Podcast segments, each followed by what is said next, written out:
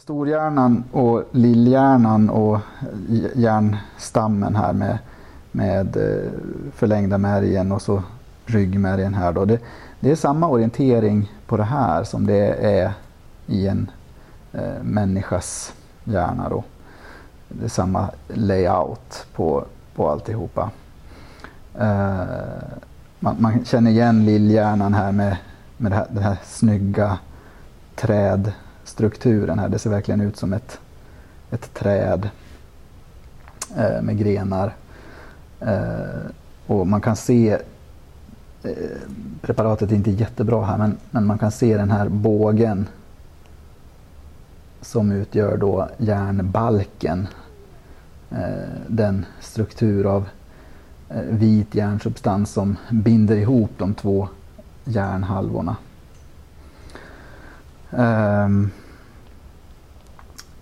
och ja, vad ska jag säga mer innan vi börjar skära och lyfta i det här. Man kan se um, bihålor här.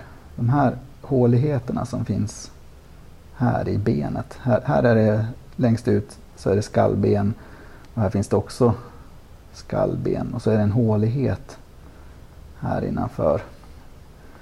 Eh, och den håligheten då det är en sån här bihåla eller en sinus. Som vi också har förstås. Eh, där man får bihåleinflammation kan man få här uppe i pannan. Få en förfärlig huvudvärk. Men det finns också bihålor eh, i överkäken, i, i käkbenet. Som kan eh, göra ont om, man, om de blir täta och trycket stiger i dem ska vi säga mer? Ja, vi, när materialet ligger så här så kan vi fortsätta att titta på, på hjärnan innan jag försöker att lyfta ur den eller så. Eh, den här järnbalken då, som jag pratade om, den här vita substansen som går i en båge här och kopplar ihop hjärnhalvorna. Om man går in under den, lite bakom den, så finns det en hålighet här. Jag vet inte om det syns. Men när jag lyfter här så ser ni att det dyker upp ett, ett litet hålrum här. Där. Som man kan till och med köra ner eh, pincetten en bit i det där hålrummet bakåt. Och det finns även här framåt ett hålrum.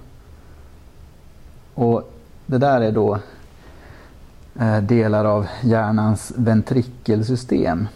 Hjärnan är, eh, är inte en Eh, helt homogen klump med, med eh, nervvävnad utan det finns håligheter i hjärnan som eh, fungerar som en sorts volymbuffert för hjärnan. Om, om hjärnan vid en inflammatorisk process eller av andra orsaker skulle börja svälla så ligger ju den inbakad eh, i skallbenet och det finns inget utrymme för hjärnan att, att svälla utåt för då tar skallbenet emot.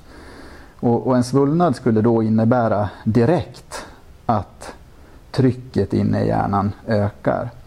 Men de här volymbufferterna, de här ventriklerna, de gör att det finns ett utrymme för hjärnan att svälla inåt utan att trycket ök ökar. Så det är en funktion hos de här ventriklarna.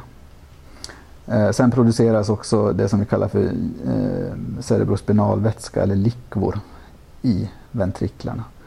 Och likvor det är den här vätskan som omger hela centrala nervsystemet.